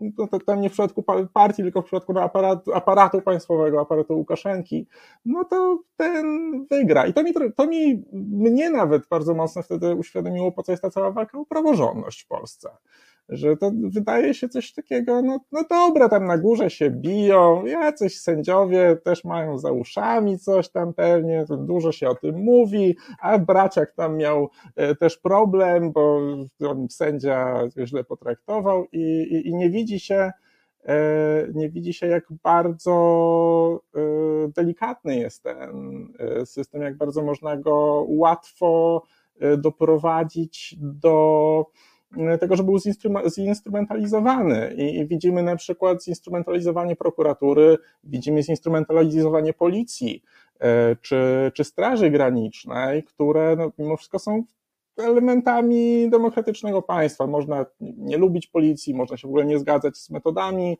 przez nią stos stosowanymi, ale no jakoś jako społeczeństwo umówiliśmy, że policja ma zapewniać bezpieczeństwo, a nagle się okazuje, że policja jest używana w celach e, tłumienia protestów. Mm, I tak może być z każdą instytucją państwową, jeżeli zostanie podporządkowana, no właśnie tutaj w przypadku y, Policji czy Straży Granicznej Ministerstwu Spraw Wewnętrznych, w przypadku prokuratury Ministerstwu Sprawiedliwości y, i no, później te osoby tylko wykonują rozkazy albo tylko wykonują regulaminy, y, a te regulaminy są tak już konstruowane, że można na ich podstawie wydać nawet ustne polecenie na papierze to nie zostaje, żeby działać tak, a nie inaczej. I ja dlatego chcę pokazywać ludziom, żeby jak najwięcej osób zrozumiało, co się dzieje na tych salach sądowych i, i po co. I, I po co te osoby biorą na siebie to wszystko jak y, Elżbieta Podleśna? I co może spotkać nas, kiedy w końcu się wkurzymy i my się wychylimy?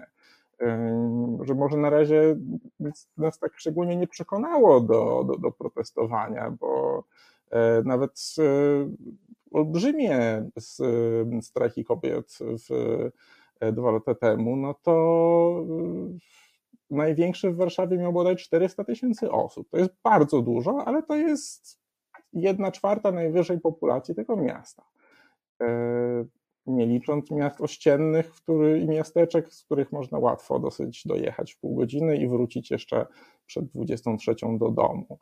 Więc e, osoby uczestniczące w protestach to też jest jakiś skrawek e, społeczeństwa i nikomu nie nakazuje, żeby w ten sposób e, się pokazywać. Rozumiem, że jest bardzo dużo okoliczności, które Mm, sprawiają, że, się, że nie można, nie chce się wychodzić z domu i nie będę tego krytykował na pewno, e, ale właśnie są osoby, które trochę wychodzą za nas i, walczą na swój sposób o, o wspólne prawa, że, że E, no, myślę, że no, będzie zapytać Elżbietę Podleśną, ale on chyba nie robi tego dla siebie, we własnym interesie. No, bynajmniej nie. To nie ulega wątpliwości. Zresztą wszystkich Państwa zachęcam do tego, żebyście weszli na e, profil Elżbiety Podleśnej, bo myślę, że ona bardzo precyzyjnie swoje myśli przekazuje nie robi tego nachalnie i absolutnie nie ma też y, takich intencji y, zaistnienia, raczej wręcz przeciwnie, znaczy ona jest, czuje się, że ja często tak odczytuję jej wpisy i decyzje o tym, że idzie na ten protest, na wszystkich już nie bywa, no i wcale się nie dziwię, bo jednak zdrowie E, nie pozwala nawet e, najsilniejszym ludziom we wszystkim uczestniczyć, już nie mówię o obowiązkach zawodowych i tak dalej, ale pani Ela jest dla mnie, i zresztą e, pani Ela ma też przyjaciółki, które jej towarzyszą. Tutaj mówimy o pani Eli, ale nie jest ona na szczęście sama, natomiast to jest wąska grupa i też chciałem Państwu uświadomić, bo być może to nie jest dla wszystkich jasne, że pani Ela była jedną z kobiet z mostu, prawda? I uczestniczyła w tej akcji. I to też z kolei przeciwnicy, czy przeciwnicy jej akcji, czy zwolennicy władzy mówią, a na, na każdym proteście jest nieważne, czy to tam tęczowy, czy to, czy to jaki, czy europejski, to są tam ludzie zawodowi, aktywiści. No. Znaczy, za, zawodowi aktywiści opłaceni przez opozycję, tak to generalnie jest pokazywane, czy pracujący na rzecz opozycji. Tutaj te, to, to jest sposób na neutralizowanie osób protestujących, to znaczy szufladkowanie ich, pokazywanie ich, że one na przykład wspierają opozycję, gdzie naprawdę tyle goryczy, ile y, przeczytałem y, y, na Facebooku Eli Podleśnej pod kątem różnych Mm, zachowań opozycji, to y, wszystkim naprawdę y, merytorycznie zresztą i to z takiej pozycji no, głębokiego przekonania, a nie jakichś emocji. Zwykle osoby, które protestują y, na ulicach Warszawy, ale też protestują swoją postawą choćby na granicy z Białorusią, pomagając osobom, które, które przekraczają linię graniczną, on, jeśli już to traktują y, Platformę, Koalicję Obywatelską jako takie no już ewentualnie mniejsze zło, że nie będzie tak źle, można będzie wtedy jakoś politycznie już walczyć o to, żeby było lepiej, a nie oburzać się na panujące bezprawie. Mówię bezprawie, bo to, to, to sądy orzekają, że, że Polska łamie i, i, i, prawo własne i międzynarodowe. No my tu sobie rozmawiamy, a w międzyczasie milion euro za chwilkę znowu kolejny do rachunku za no, nierealizowanie wyroku TSUE i decyzji zabezpieczającej nam Twoim dzieciom być może, a na pewno moim zostanie zapisane na koncie.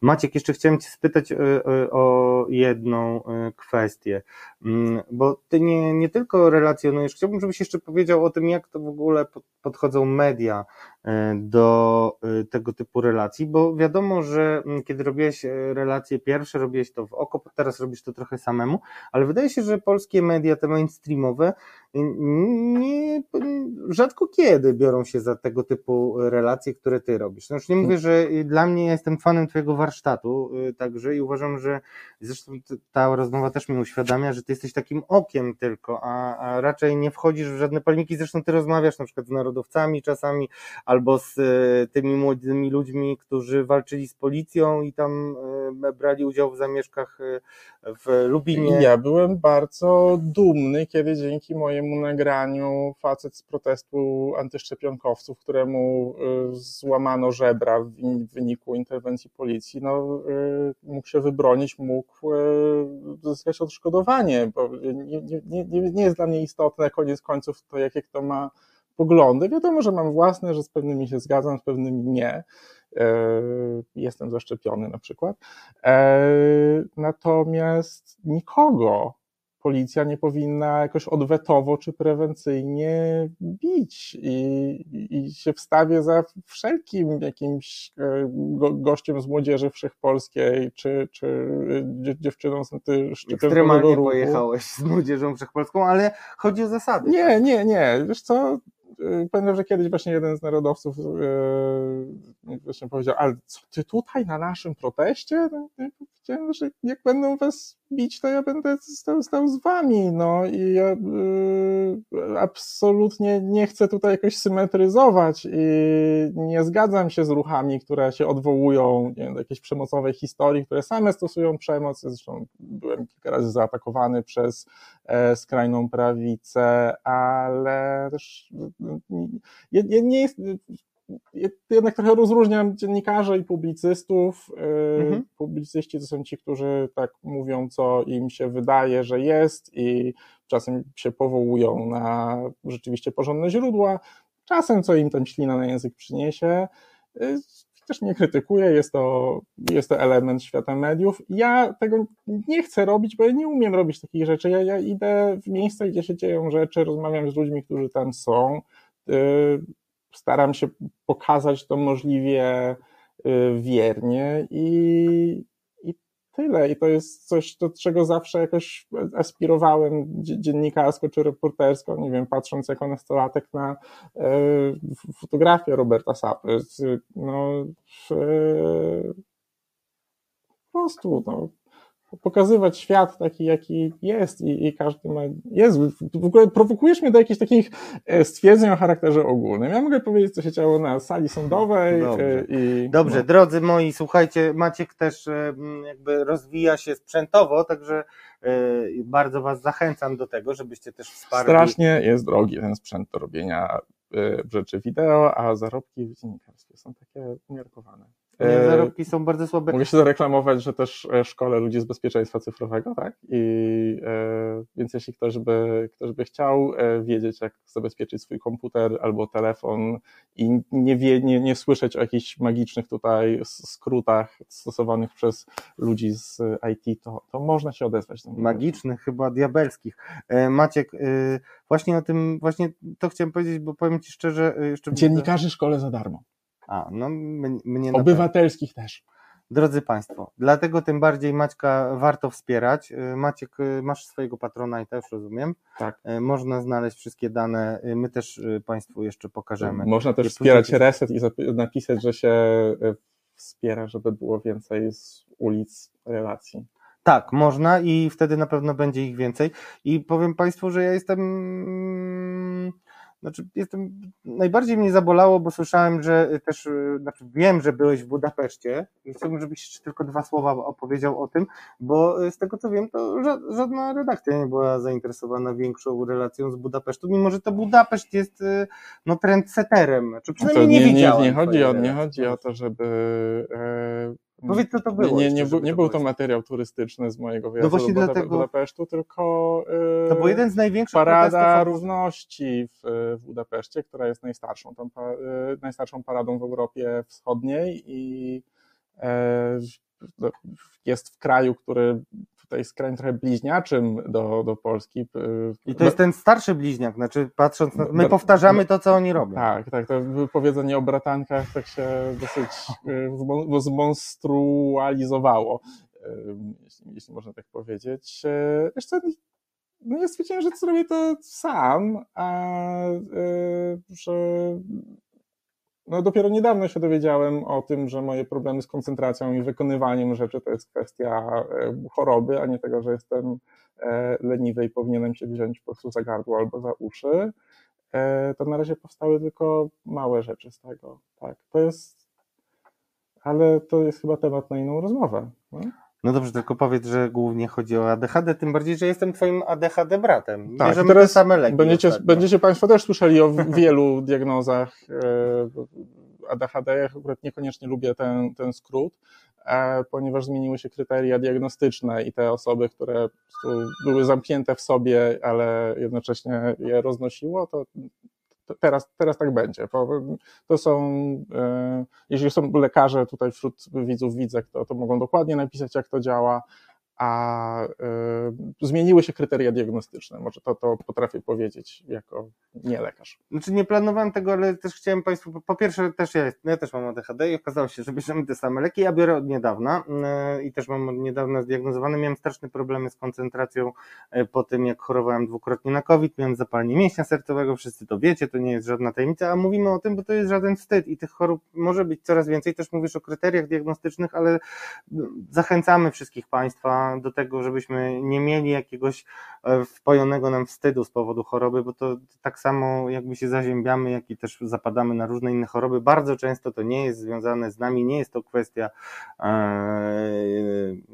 czegoś, co robimy źle. Ja zachęcam też do tego, żeby e, szukać pomocy i zachęcać innych, kiedy widzimy, że na przykład nie dają sobie z pewnymi rzeczami rady, bo to, to jest, może być to objaw pewnych zaburzeń, często właśnie takie rzeczy, które mogą nam się wydawać byciem e, jakąś paskudną osobą, która, która, która nie, wiem, nie, nie szanuje pracy innych, e, a może na przykład, y, jeżeli znacie kogoś decyzyjnego w Ministerstwie Zdrowia albo gdzieś wyżej, to przede wszystkim trzeba na to zwiększyć nakłady, bo, bo nawet jeżeli wszyscy po prostu będą bardzo pragnęli żeby sprawdziła ich osoba, która no, jest, jest specjalistą, specjalistką, e, choćby, choćby terapeuta czy, czy, czy, czy, psychiatra, e, no to już teraz te kolejki są olbrzymie. Jest, jest dużo teraz akcji zwiększających świadomość, ale bez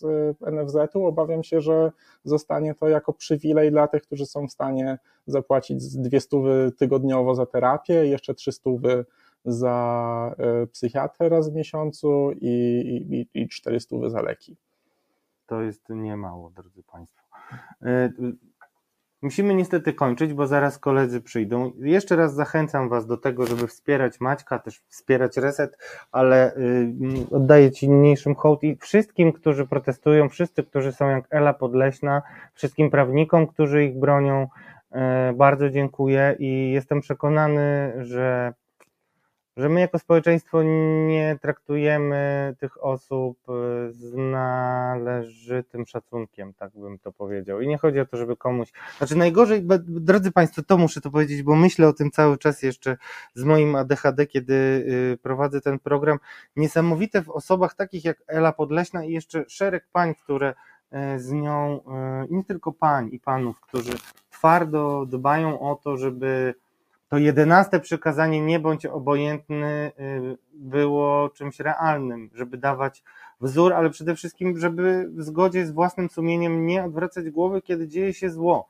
I Ela Podleśna mm, protestowała w imieniu tak naprawdę w obronie najsłabszych i przeciwko niegodziwości. To są, myślę, dwie najprostsze, y, takie dwa najprostsze wspólne mianowniki, ale to, co jest niesamowite, że Ela w przeciwieństwie do takich ludzi jak na przykład, no właśnie pan Mateusz, jakby nie miała nigdy takich ambicji, takie osoby, które nie realizują jakiejś swojej wewnętrznej agendy promocyjnej, jakby im zależy najbardziej na treści, a nie na tym, żeby się wypromować. I są tak naprawdę przez to na trochę trudniejszej pozycji, już nie mówię, że przegranej, bo nie udzielając się w mediach, nie bawiąc się w takie celebryckie wywiady i, i, i tak dalej, i tak dalej, i nie robiąc siebie ofiary, bo pani Podleśna nigdy nie, nie, nie, nie mówiła, y, nie, nie pokazywała siebie jako ofiary, tylko raczej jeżeli wytacza jakieś procesy i prowadzi postępowania, to robi to e, w związku z tym, że to, co jej się przydarza, jest elementem jakiegoś szerszego złego zjawiska, przeciwko, ona, przeciwko któremu protestuje. I bardzo chciałem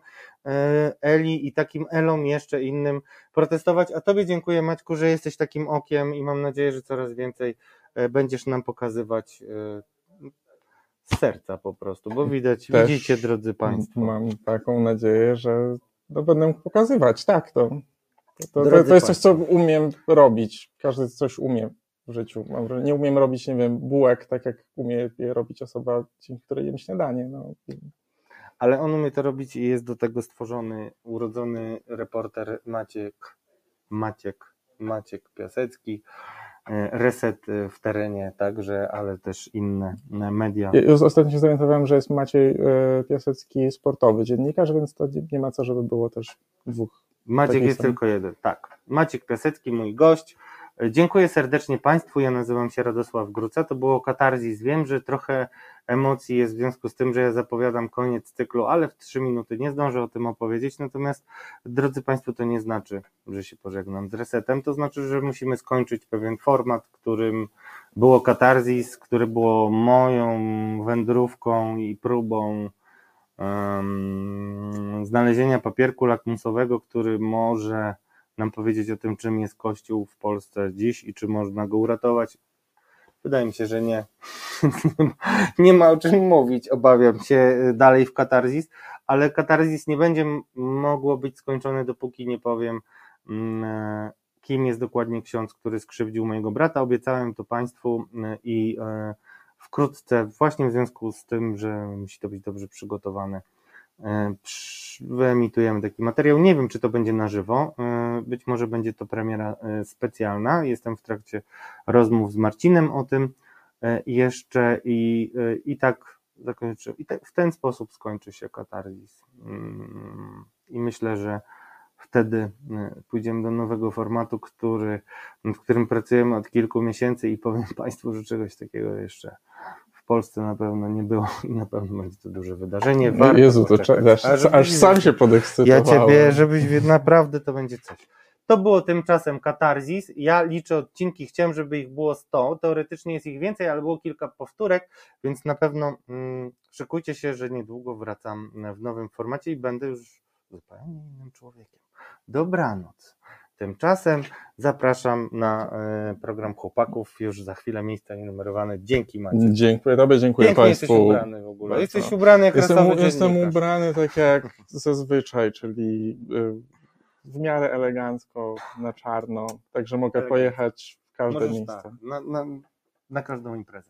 Dziękujemy Wam serdecznie. Pamiętajcie. A nie powiedzieliśmy o co chodzi z tą modą. A to można... Powiedzieliśmy o co chodzi z modą, ale jeszcze do, możemy dodać, z modą chodzi o to, że wystarczy y, się przyczepić do tego, jak ktoś jest ubrany, czyli gdybyś był pewnie w garniturze, to by był inny pretekst, ale wystarczy podać pretekst taki jak no. ubiór, żeby. Chodzi o to, że wyglądało. Rafał Ziemkiewicz i Magdalena Ogórek i ich obrońca y, nie chcieli odpowiadać na moje y, pytania, zasłaniając się tym, że uwaga, nie miałem marynarki na sobie. I to miała być obraza dla sądu, brak szacunku.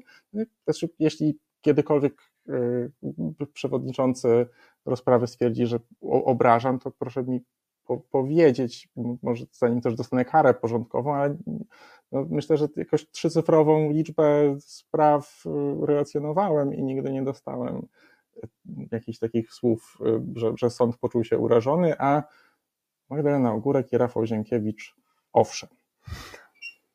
Cóż dodać. Dziękujemy bardzo. Magdo, Ogórek, Rafale, Ziemkiewiczu. Wszystkie słowa będą wpisane. Do zobaczenia.